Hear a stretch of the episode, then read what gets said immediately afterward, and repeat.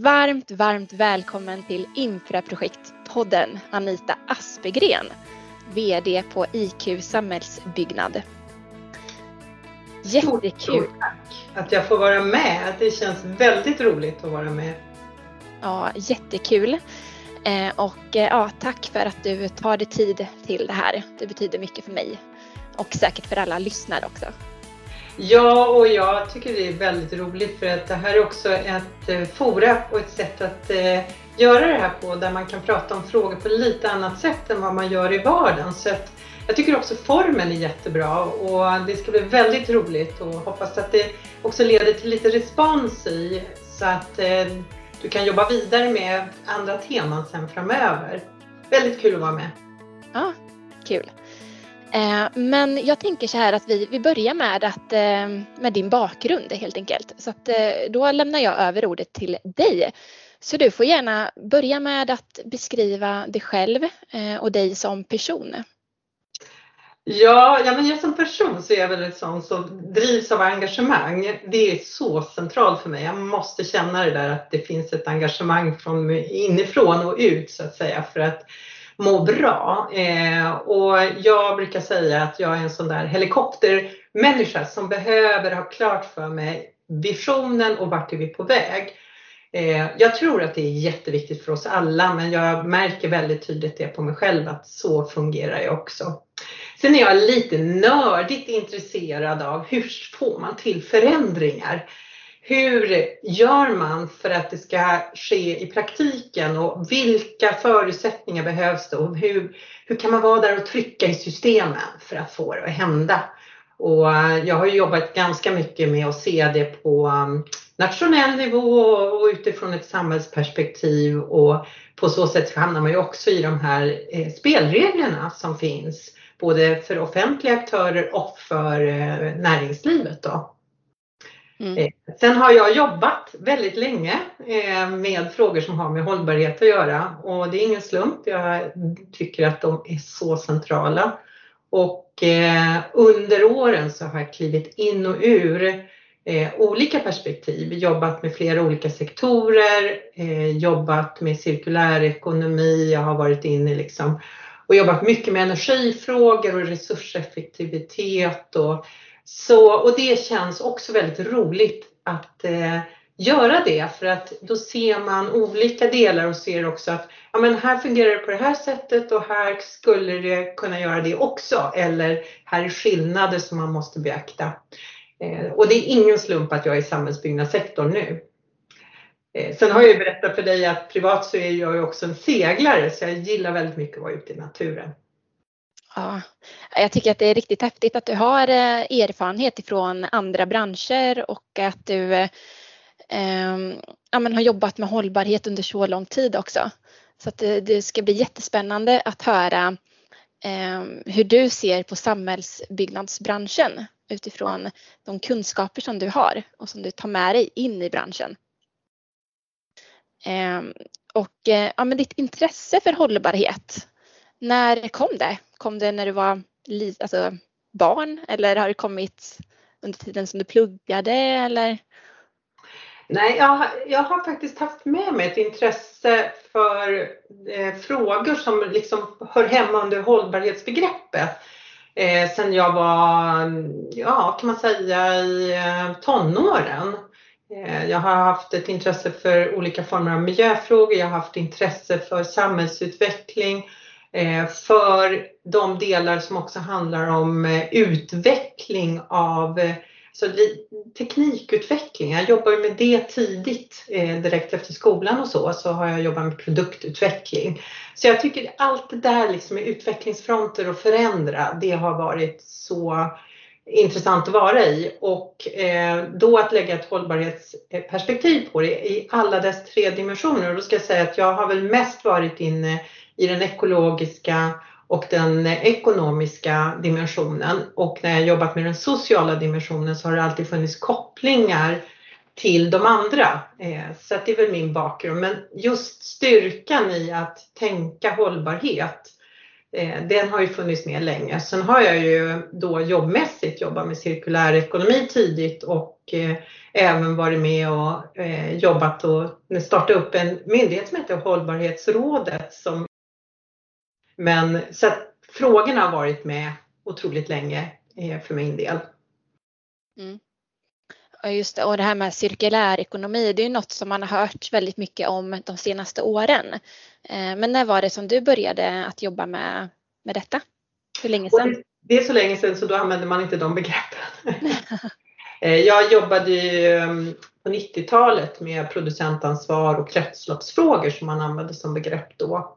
Ehm, och då jobbade jag i delar som inom regeringskansliet med ehm, kretsloppsdelegationen och frågorna eh, också relaterat till hållbarhet i miljövårdsberedningen. Miljövårdsberedningen finns ju fortfarande kvar som en sån här liten fri där man lägger frågor som ska utvecklas inom regeringskansliet som en särskild beredningsform och så ehm, jobbas det intensivt där. Men där, så redan på 90-talet var jag inne i de här frågorna. Ja jäklar. Mm. Eh, men skulle inte du bara kunna i lite stora drag eh, beskriva hur eh, ja, men din resa har sett ut från att du pluggade till första jobbet till att du är där som du är idag? Mm med roller och, och sånt där? Ja, jag, jag, jag, tror jag börjar där jag är nu för jag tycker det är så viktigt vad man är. Eh, jag är ju på icke samhällsbyggnad sedan ungefär två och ett halvt år och det tycker jag är väldigt, väldigt roligt och också medvetet från min sida för jag ser potentialen att jobba i samhällsbyggnadssektorn. Eh, det finns otroligt mycket att göra, väldigt positivt att vi skulle kunna vara med och bidra. Eh, och det gynnar alla. Så att det är mycket medvetet jag är här där jag är nu. Eh, jag har jobbat länge med energifrågor och varit avdelningschef på Energimyndigheten och haft fokus på eh, energieffektivisering och resurseffektivisering. Jobbat med sådana som man kanske har hört talas om. Utfasning av glödlampan till exempel, känner du igen? Men mm. också förstås med eh, bygg eh, men också industrisidan eh, och kommuner och regioner. Innan dess så var jag ett par år på Konsumentverket som enhetschef då för miljö och kvalitetsfrågor, bland annat bygg men också mycket fokus på frågor som låg nära oss konsumenter i, när det gäller hållbar utveckling Eh, men också bilar och eh, energi. Eh, och det var ju också ett väldigt medvetet val för innan dess hade jag jobbat med väldigt mycket fokus på näringslivet och jag tycker det är viktigt att prata om det här med den sociala hållbarheten, att också ha ett fokus på oss som individer, vi som ska ha en attraktiv livsmiljö att leva i. Så jag lärde mig jättemycket när jag jobbade de åren med fokus på oss eh, konsumenter och oss som individer. Eh, sen har jag ju som sagt berättat redan att jag har varit ganska många år i regeringskansliet då.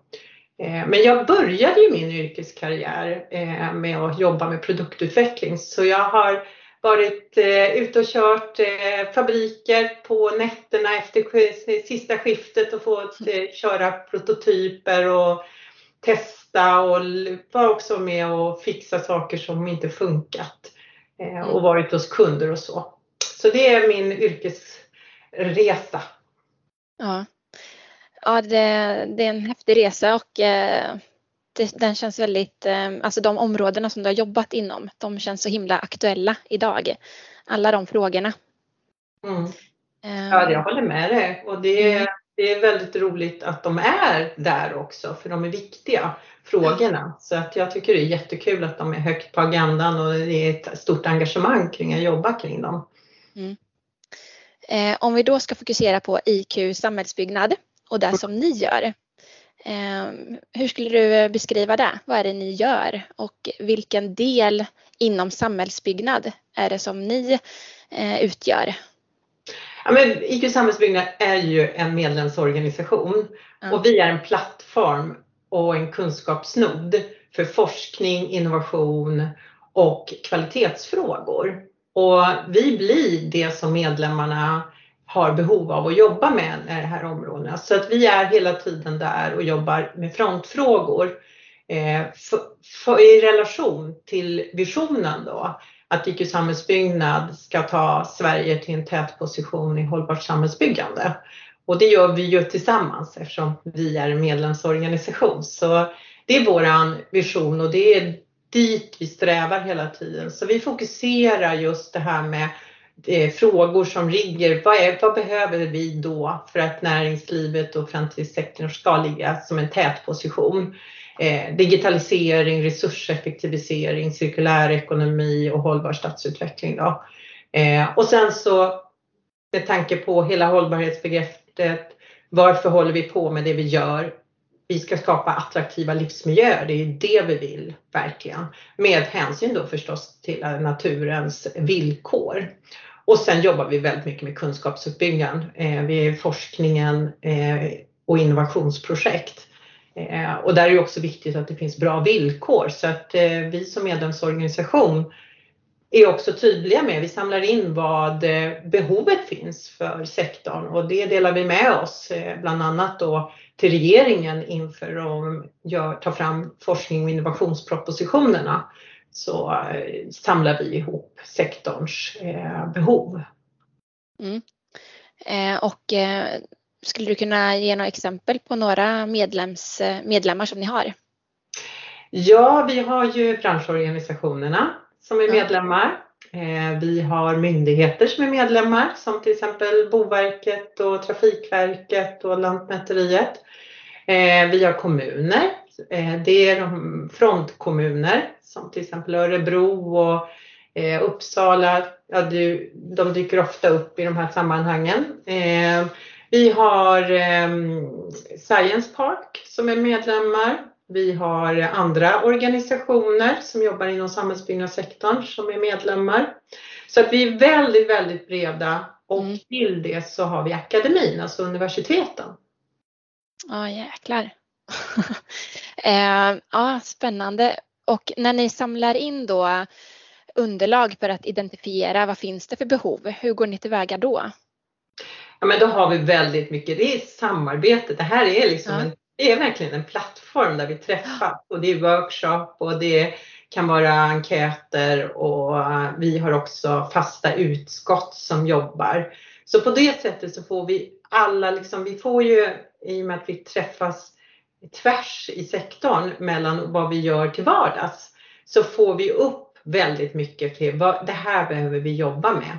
Och sen är det så att vi själva också driver program och projekt och det ger ju oss massor med erfarenhet av behoven mm. men också möjligheterna. Ja, just det. Um, mm. Eh, och de här programmen och projekten som ni själva bedriver, skulle du kunna ge exempel på, på några av dem? Mm. Vad är det som är aktuellt nu? Ja, eh, jag nämnde digitalisering. Det är ju jätteviktigt för samhällsbyggnadssektorn. Och där är det ju, finns det ju 17 strategiska innovationsprogram i Sverige. Eh, och då har vi eh, rollen att koordinera och vara kansli för ett av de 17, nämligen det som heter Smart Built Environment. Så att eh, det är ju en, eh, sen finns det liksom eh, särskild liten styrelse kopplat till det men det är plattformen där vi driver det ifrån är från IQ Samhällsbyggnad. Så det är ett stort område och det är ju väldigt mycket forskning och projekt som drivs inom den ramen och de beslutas sen då av myndigheter, forskningsfinansiärerna. Men vi är liksom med, är med ihop med aktörerna att driva det här. Eh, och likaså så är vi involverade i europeiskt samarbete kring hållbar stadsutveckling och eh, också forskningsprojekt eh, kopplat till det. Och sen är vi, jobbar vi ju också eh, på uppdrag av Energimyndigheten med att stötta deras forskningsprogram, eh, största forskningsprogram på byggsidan då. Så vi är verkligen ja, på olika ställen där i de här projekten. Och sen har vi nu tillsammans med eh, branschorganisationerna och med andra aktörer eh, startat upp någonting som heter Samhällsbyggnadens regelforum som kommer vara en arena där vi träffas. Vi är redan där men vi kommer att vidga den än mer och öppna upp den ännu mer nu när vi är på banan. Eh, där vi träffas för att prata om hur regelverken ska matcha och främja forskning och innovation men framförallt att det händer saker och att eh, de förändringarna som eh, myndigheter och regering och riksdag nu har beslutat kring, kring eh, byggreglerna eh, för att möta det här. Så vi, vi, jobbar med lite olika saker där men många olika delar är det. Oh, jättespännande verkligen. Eh, och du nämnde ju det att ni har ju, ja, men alla branschföreningar är ju medlemmar då. Eh, så till exempel Samhällsbyggarna är ju en branschförening. Är det några som ni samarbetar med då? Där är man ju individuellt medlem. Eh, mm. Jag själv är medlem där men, men det, där har vi ju vi jobbar ju, när jag säger branschorganisationer så tänker jag framförallt på byggföretagen, byggmaterialindustrierna, installatörsföretagen, innovationsföretagen och så vidare. Och fastighetsägarna. Det är liksom den. Eh, sen jobbar vi också med många andra samhällsbyggnadsorganisationer. På designsidan har vi jobbat med SVID, eh, vi jobbar med CMB som jobbar med ledarskap, där vi samarbeten, de är medlemmar.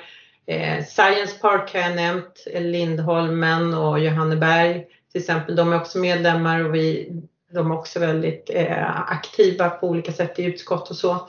Eh, så där finns det. Sen är vi dessutom, eh, är det så att vi ansvarar för kansliet åt en annan samhällsbyggnadsorganisation, BIM Alliance. Så vi, vi, vi försöker vara, eh, hjälpas åt i hela det här ekosystemet. För vi behövs allihopa för att jobba framåt. Eh, och sen har vi ju ett samhällsbyggnadskluster. Nu sitter ju jag hemma och det gör väl vi är, de flesta av oss, det är ju så vi jobbar nu. Men när det inte är så, då har vi ett, våra lokaler, ett samhällsbyggnadskluster på Drottninggatan 33 i Stockholm där, där sitter flera av oss också så att vi liksom har det där till vardags att jobba ihop också. Mm. Ja, det låter jättebra. Ja, det finns väldigt många olika alltså, som är involverade i, inom samhällsbyggnad så att det är inte helt lätt att hålla koll på alla. Eh, men jag är också medlem i Samhällsbyggarna eh, och eh, jag eh, ja, kan ibland ha lite svårt att liksom hålla isär vad är det de gör och vad är det ni gör och vad är skillnaden och lite sådär. Jag tycker att det, det finns ju så många så att det är svårt att hålla ordning på alla. Ja, och det är väl lite vårt ansvar då att försöka vara tydliga i det, eh, hur, eh, vad som skiljer oss åt. Eh, IQ Samhällsbyggnad så är man ju medlem som organisation, alltså antingen som myndighet eller, eller som kommun eller som företag eller branschorganisation. Man är inte individuellt medlem då.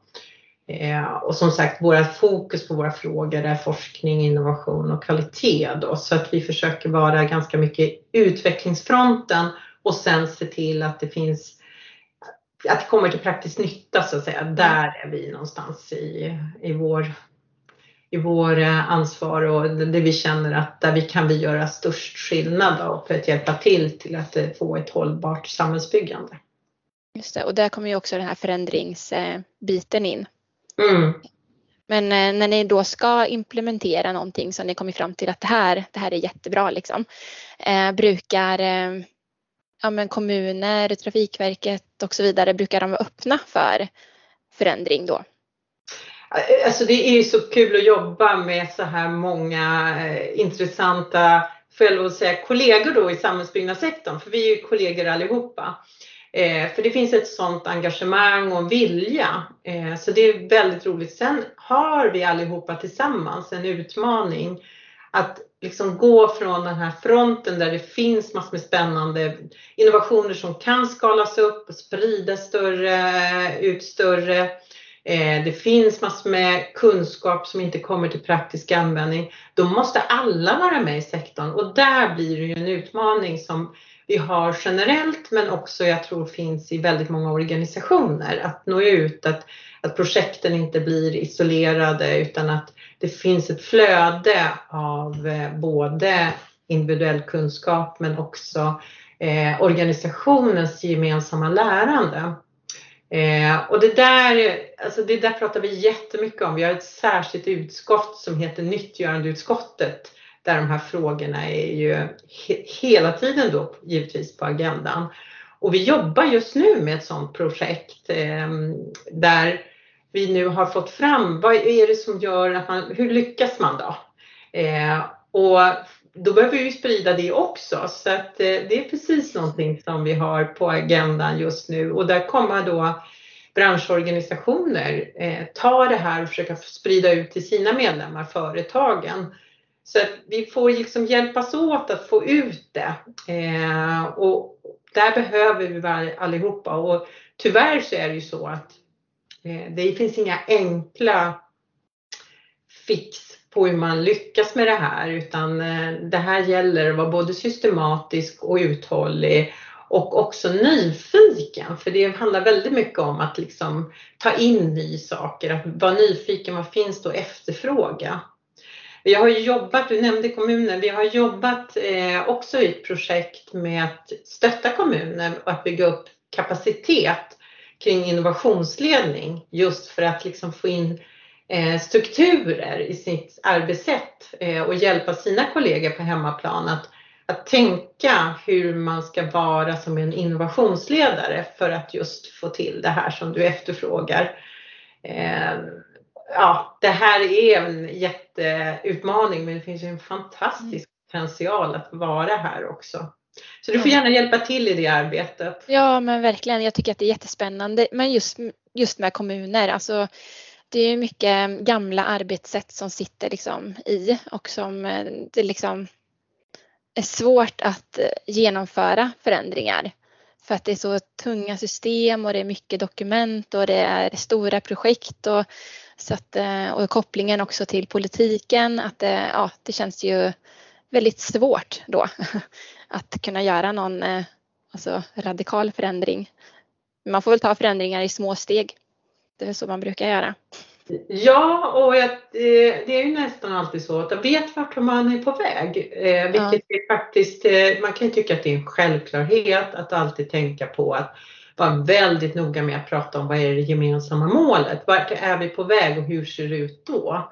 Men det är ofta tyvärr inte det som sker i praktiken och har man fokus på det, eh, den här gemensamma bilden och den är inte är liksom det är när projektet tar slut utan vad ska eh, det här användas till? Alltså vad ska den här fysiska miljön användas till? Hur ser vi ut som är så att säga slutanvändarna, vi som lever här och vill ha en attraktiv livsmiljö. Hur ska vi uppleva det här? Har man det på näthinnan så blir man ju också mer öppen till att inte bara snabbt klara av sina arbetsuppgifter och, utan också förstå att, ja men vänta om vi tänker lite nytt, vi, kommer, vi kan bara liksom prova lite saker här, vi efterfrågar om vi kan få de här uppdragen och göra på det här sättet så blir det bra för den som ska använda det. Jag tror att det där är liksom en nyckel som vi kan bli duktigare på allihopa. Att eh, prata mer om den för att då tror jag också att det föder någon slags eh, att vara lite, inte bara få sätta check, inte bara vara i det befintliga utan också att känna att hur, då kanske vi kan prova lite nya saker och också be om det till, från uppdragsgivaren eller i sin internt i sin organisation. Mm. Ja absolut, det är så spännande. Jag har eh, frångått eh, min agenda. Frågorna kan jag säga, jag fastnar lite i det här. Men jag tycker verkligen att det är jättespännande och jag har själv pluggat en agil projektledarutbildning. För jag tror verkligen på det här agila mindsetet. Och det öppnar ju upp för eh, alltså, att varje person får större frihet och får, ja, men får större frihet att kunna komma på egna lösningar, mer innovativa lösningar kanske. Eh, och att man då kan eh, ja, men effektivisera och eh, också bli mer produktiv eh, i sättet som man jobbar. Eh, jag tror väldigt hårt på det, att man eh, ska lämna över mycket ansvar till eh, individen Eh, speciellt när det finns engagemang. Och det finns det ju oftast hos många i branschen. Eh, att det, ja, det är jättespännande. Eh, men eh, nu så skulle jag vilja gå in lite på hållbarhet. Eh, för att du har ju mycket kunskaper där. Så att jag skulle jättegärna vilja höra dina tankar om den här senaste klimatrapporten som de publicerar här i veckan. IPCC, mm. deras klimatrapport. Vad är dina tankar om den? Ja, men det otroligt viktigt att vi har en så tydlig forskarsamling som lyfter utmaningarna vi har som är gemensamma. För det här är alltid problemet när det inte går liksom att säga att det är ens ansvar utan att det är faktiskt vårt gemensamma ansvar. Och det vet vi ju i alla sammanhang, även på väldigt liten nivå, eh, att det är lätt liksom när det är fler som är ansvariga, att då blir det också otydligt och då kan man få hoppas att det är någon annan som tar det här ansvaret. Så att eh, det här är, tycker jag, jättecentralt i att, de, att komma med de här rapporterna så regelbundet som de ändå gör eh, och vara så tydlig. För att frågorna är ju inte nya, men de måste komma upp högt på agendan. Och det som är positivt nu eh, är ju att de har gjort det och jag tycker att ja, de senaste åren har det ju varit en förändrad sätt att se på det. Nu har ju pandemin varit här, eh, givetvis behövt ta utrymme. Eh, men nu tycker jag att det var väldigt bra att den här kommer nu för då kommer den liksom, vi behöver ha de här. Sen är det tyvärr så eh, att vi sitter eh, och ser saker som händer. Det är ju väldigt problematiskt. Eh, och det som är viktigt nu det är ju att vi jobbar på att både så att säga eh, se allvaret men också vara på lösningarna. Och att stötta i det eh, när det gäller både forskning, innovation men få det till praktisk nytta också.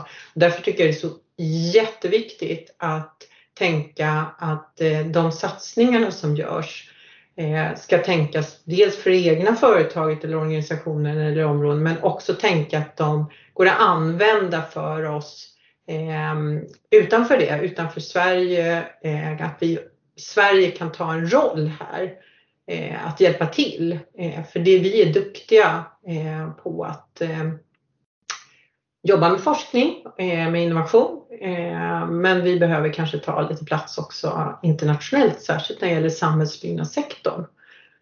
Så att eh, jag tänker att nu är det verkligen tid för gå till handling i det här. Stål och cement är ju för samhällsbyggnadssektorn väldigt centralt. De projekten, Hybrid till exempel, som har drivits är jätteviktiga och det finns ju nu potential här att verkligen få till eh, det och det kommer att ha stor betydelse för samhällsbyggnadssektorn, det kommer att ha stor betydelse för klimatet. Men också tror jag att det är viktigt att se det som att Sverige kan hjälpa till i det här med hjälp av både eh, kunskapen som skaffas men också de företagen då som är med och driver den här utvecklingen. Mm. Eh, och för att kunna uppnå ett mer hållbart eh, samhälle, vilka skulle du säga är de viktigaste förändringarna som måste till? Om du skulle peka ut ett par. Ja, alltså jag tror att det är viktigt att tänka att klimat, eh, det finns väldigt många frågor som kopplar till klimat för ska vi få lösningar då hamnar vi i andra delar också. Eh, de brukar förstärka varandra. Eh, men det är också viktigt att tänka på att eh, vi måste ha med den sociala hållbarheten hela tiden här. Och vi på IQ Samhällsbyggnad använder nu begreppet attraktiva livsmiljöer för att markera det. Och det är utifrån ett samhällsbyggnadsperspektiv tror jag också viktigt att tänka det. Att eh, det här ska bli, vi ska inte prata liksom särlösningar. Eh, när det gäller hållbarhet eller ekonomi eller, eller klimat eller andra miljöfrågor.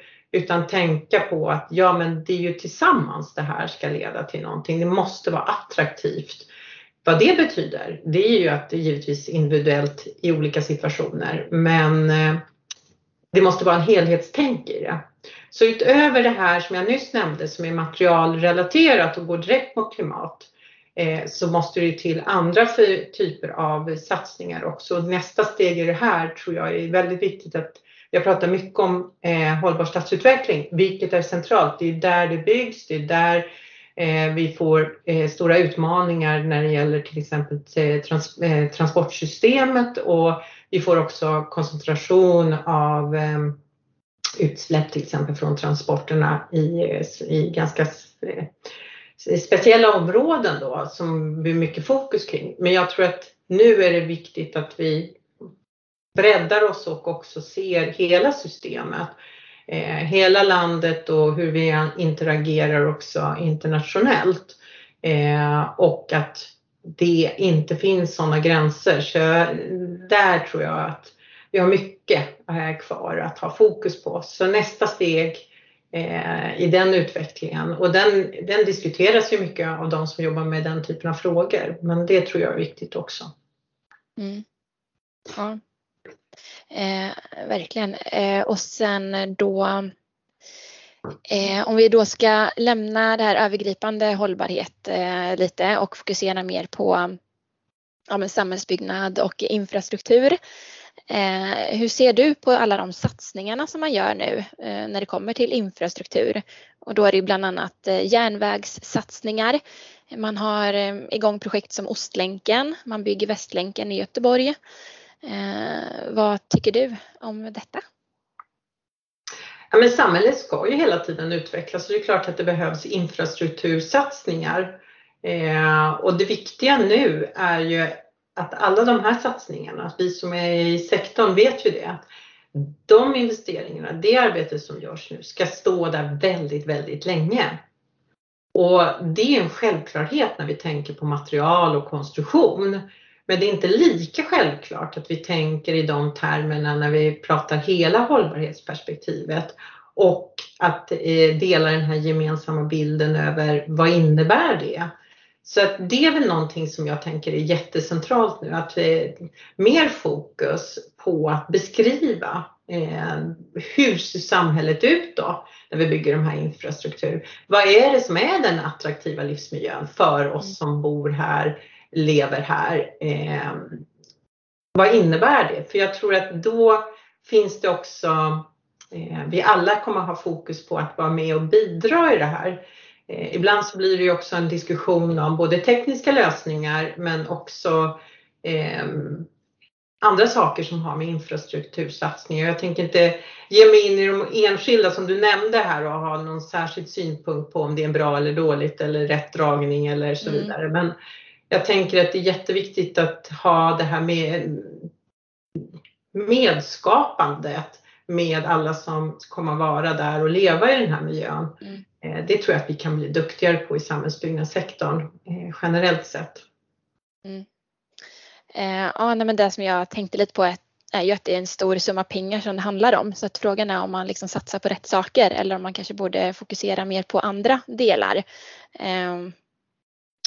Ja, det, det, det, har man ju liksom aldrig svaret på. Nej. Eh, det är långa, långa cykler så att ibland så kan det ju faktiskt bli så att utvecklingen går snabbare än, eh, än eh, själva den här processen då. Och sen är liksom, har man fattat beslut och så driver man igenom. Det finns ju massor med sådana historiska exempel på när det inte alls matchar.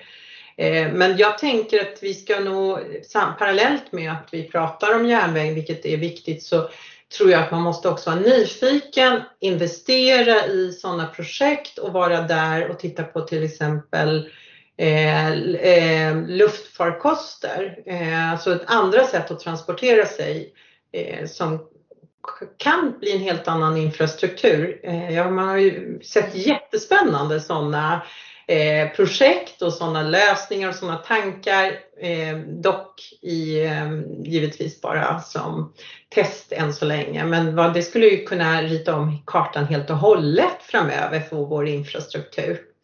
Eh, Likaså drönare, att jobba med drönare som i logistikkedjan till exempel skulle ju också förändra det här. Eh, så att ja, man får eh, nog titta på fler saker samtidigt. Eh, men man får ju komma ihåg att man bygger ju fast sig i infrastruktur så det gäller ju verkligen att vara där och matcha med vilken målbild har vi, vilken vision har vi. Ja, ja absolut. Ehm, och du som har varit inne i energisektorn. Mm. Ska vi se, nu försvann din bild. Ja, men... Eh, jag ska koppla upp mig igen på bilden ett ögonblick så vi fortsätter prata medan ja, jag försöker. Yes. Um, tror du att vi kommer att kunna försörja allting som man planerar att driva på el i framtiden?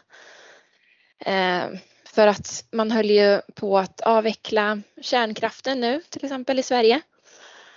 Um, tror du att vi kommer kunna uppnå en, en stabilitet i nätet och, och försörja elbilar och järnväg och allt. Ja, jag jobbar ju på Energimyndigheten och hade väldigt eh, duktiga kollegor där som eh, tittar på det här eh, och konstaterar vi har ju en stor diskussion kring energi idag, men man ska komma ihåg också att skilja på Eh, energi och effekt här. Eh, så att vi exporterar ju eh, över året en hel del och det, analyser har ju visat att vi klarar det. Så att eh, jag är väldigt optimistisk men jag ser ju också att det behöver givetvis vara en utveckling som handlar om eh, eh att jobba vidare med vindkraft. Där där det är bra också med sol förstås. Och också förstås att jobba med effektfrågan som är någonting annat som handlar om näten. Mm. Och där eh, med min bakgrund så är det ju ofta så pratar man om tillförseln, att det måste till mer. Och så pratar man inte om potentialen det finns att effektivisera i systemen och att använda ny teknik för att vara ännu mer effektiv. Och det, det finns otroligt mycket att göra där. Eh, så jag tycker det är väl det som jag nu skulle vilja se ett mycket större diskussion om istället för att prata om enbart tillförseln och problem eh, och göra det som ett problem utan hur kan vi använda den tekniken vi redan vet finns eh, i front? Eller hur kan vi satsa på forskning för att få fram än mer av den som vi behöver? Och det handlar både om rent tekniska lösningar, digitalisering men också nya affärsmodeller. Eh, och att det synliggör, för idag är det faktiskt lönsamma eh, investeringar som inte genomförs för att man inte har fokus på dem. Så att eh, det här är, det finns jättemycket potential att jobba med eh, för att hantera de frågorna och som också är bra för hållbarhet. Nämligen mm. att använda så lite resurser som möjligt för att få största möjliga nytta. Då. Ja, precis, minska elförbrukningen då. Men ändå kunna använda samma typ av ja, saker. Ja, få, få, du ska ha samma nytta. Du ska få samma nytta. nytta. Mm. Mm. Um, ja, eh, och eh, om vi då ska tänka oss eh, ja, projekt inom samhällsbyggnad från att man planerar dem till att de utförs. Har du någon insikt i den här kedjan och skulle du kunna säga att vi bedriver projekt på ett effektivt sätt? Jag tror att man ska vara försiktig här för att eh, förhoppningsvis är det ju jättemånga här som lyssnar på det här och har själv väldigt stor erfarenhet av att driva och ansvara för projekt eh, som är väldigt effektiva och också eh, med ett stort syfte att ha fokus på att skapa hållbarhet och en, en eh, attraktiv livsmiljö av den, den investeringen som de här projekten ska bidra till. Eh, samtidigt så går det att konstatera att Boverket har ju tittat på det här att vi i sektorn har väldigt stora byggskador. Eh, det vill säga, det är ju slöserier eh, där det liksom kostar massor med pengar och massor med material och tid går åt för att laga någonting och reparera och korrigera någonting som inte blev rätt. Eh, upp till 100 miljarder har ju Boverket pratat om och då kan man ju säga att nej, då finns det utvecklingspotential i projekten när det blir så.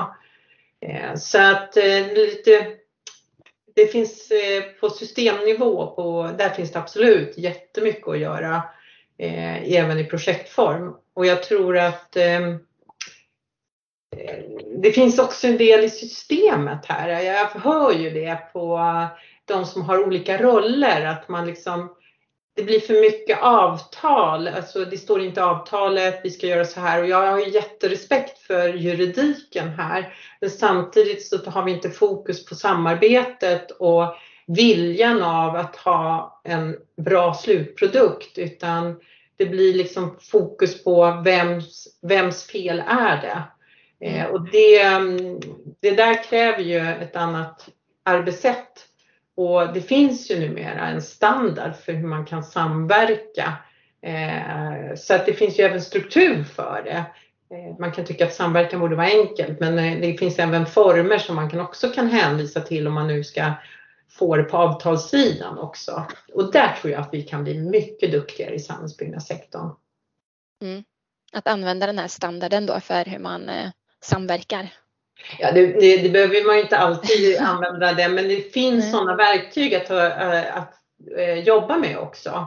Ehm, jag tycker lite grann att eh, jag tänkte på i färdplanen för eh, bygg och anläggningssektorn, den som vi pratar klimat här nu. Det är ju någonting som är jättecentralt nu att det finns ju en färdplan eh, och den färdplanen behöver ju genomföras.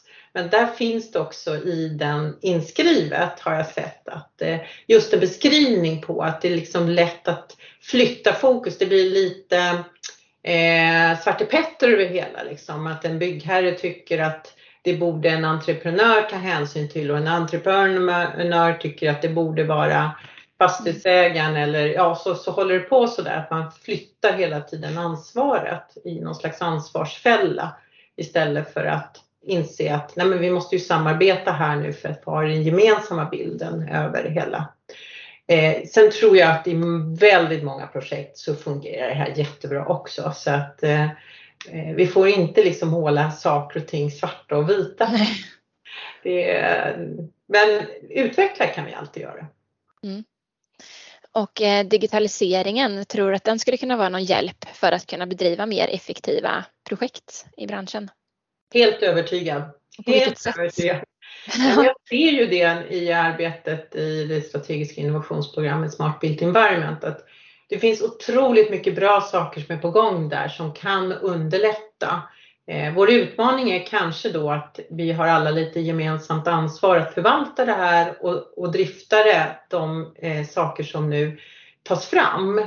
Där man kan få ett gemensamt språk, man får gemensam syn, vi kan flytta information, eh, få sömlösa kedjor här. Alltså det är mycket på gång här som kan verkligen bidra och som också mm. kan vara bestående över tid. Så att, eh, och vara bra för alla roller, eh, både för de som är i offentlig sektor, kommunernas roller, eh, för eh, företagen som är inne och jobbar och de som sen då kanske står som ägare för det som är färdigt oavsett om det är Trafikverket eller om det är några andra aktörer. Mm. Ja, det låter jättebra. Ja, men verktyg som eh, underlättar det här med att skapa samsyn och att kunna liksom tillsammans se vad som är värdefullt och, och se målet. Det tror jag verkligen på att det är sådana lösningar det är något som vi ska fokusera på. Mm. Um, ja, men eh, nu eh, tänker jag att vi ska avrunda här. Eh, så ifall du skulle skicka med ett tips till någon som är i branschen, till exempel någon som vill bli en inflytelserik ledare, vad skulle det vara för tips då? Oj, ja det finns massor med bra. Ja, men då måste jag spontant säga så här. Gör det som känns rätt i hjärtat. Alltså det är så viktigt att jobba med frågor som man känner att det här känns bra. Eh, så det skulle jag vilja säga att eh, tänk mest med hjärtat. Eh, då kommer karriären också. Eh, så att eh, sök dig dit där du känner att du får utrymme att vara med och förändra. För, eh, och att du också känner att du är en del i ett större system, en viktig kugge där du kan också känna att ja men jag har varit med och gjort skillnad för vår organisation men också bidragit till hållbarhet som är bra för andra. Eh, och jag tänker nu för samhället, det är för oss som bor här men också för naturen och för systemet. Det tror jag, gå på hjärtat. Ja, jättebra tips, verkligen. Eh, ja, men det här var allt då. Eh, det har dragit lite över tiden. Men eh, det blev ett jättebra samtal och tusen tack för din tid. Och stort tack för att jag fick vara med. Jätteroligt och um, jag hoppas att det finns eh, samtal som fortsätter efter det här i andra fora. Eh, för det är jätteviktigt att vi har en levande diskussion och hittar tillsammans hur vi ska ta oss vidare. Men eh, jag hoppas också att alla känner det att eh, ni är så varmt välkomna att använda IQ Samhällsbyggnad som plattform. Så att vi når en tätposition och vi får eh, attraktiva livsmiljöer och ett hållbart samhällsbyggande. Ja, verkligen. Tack så jättemycket.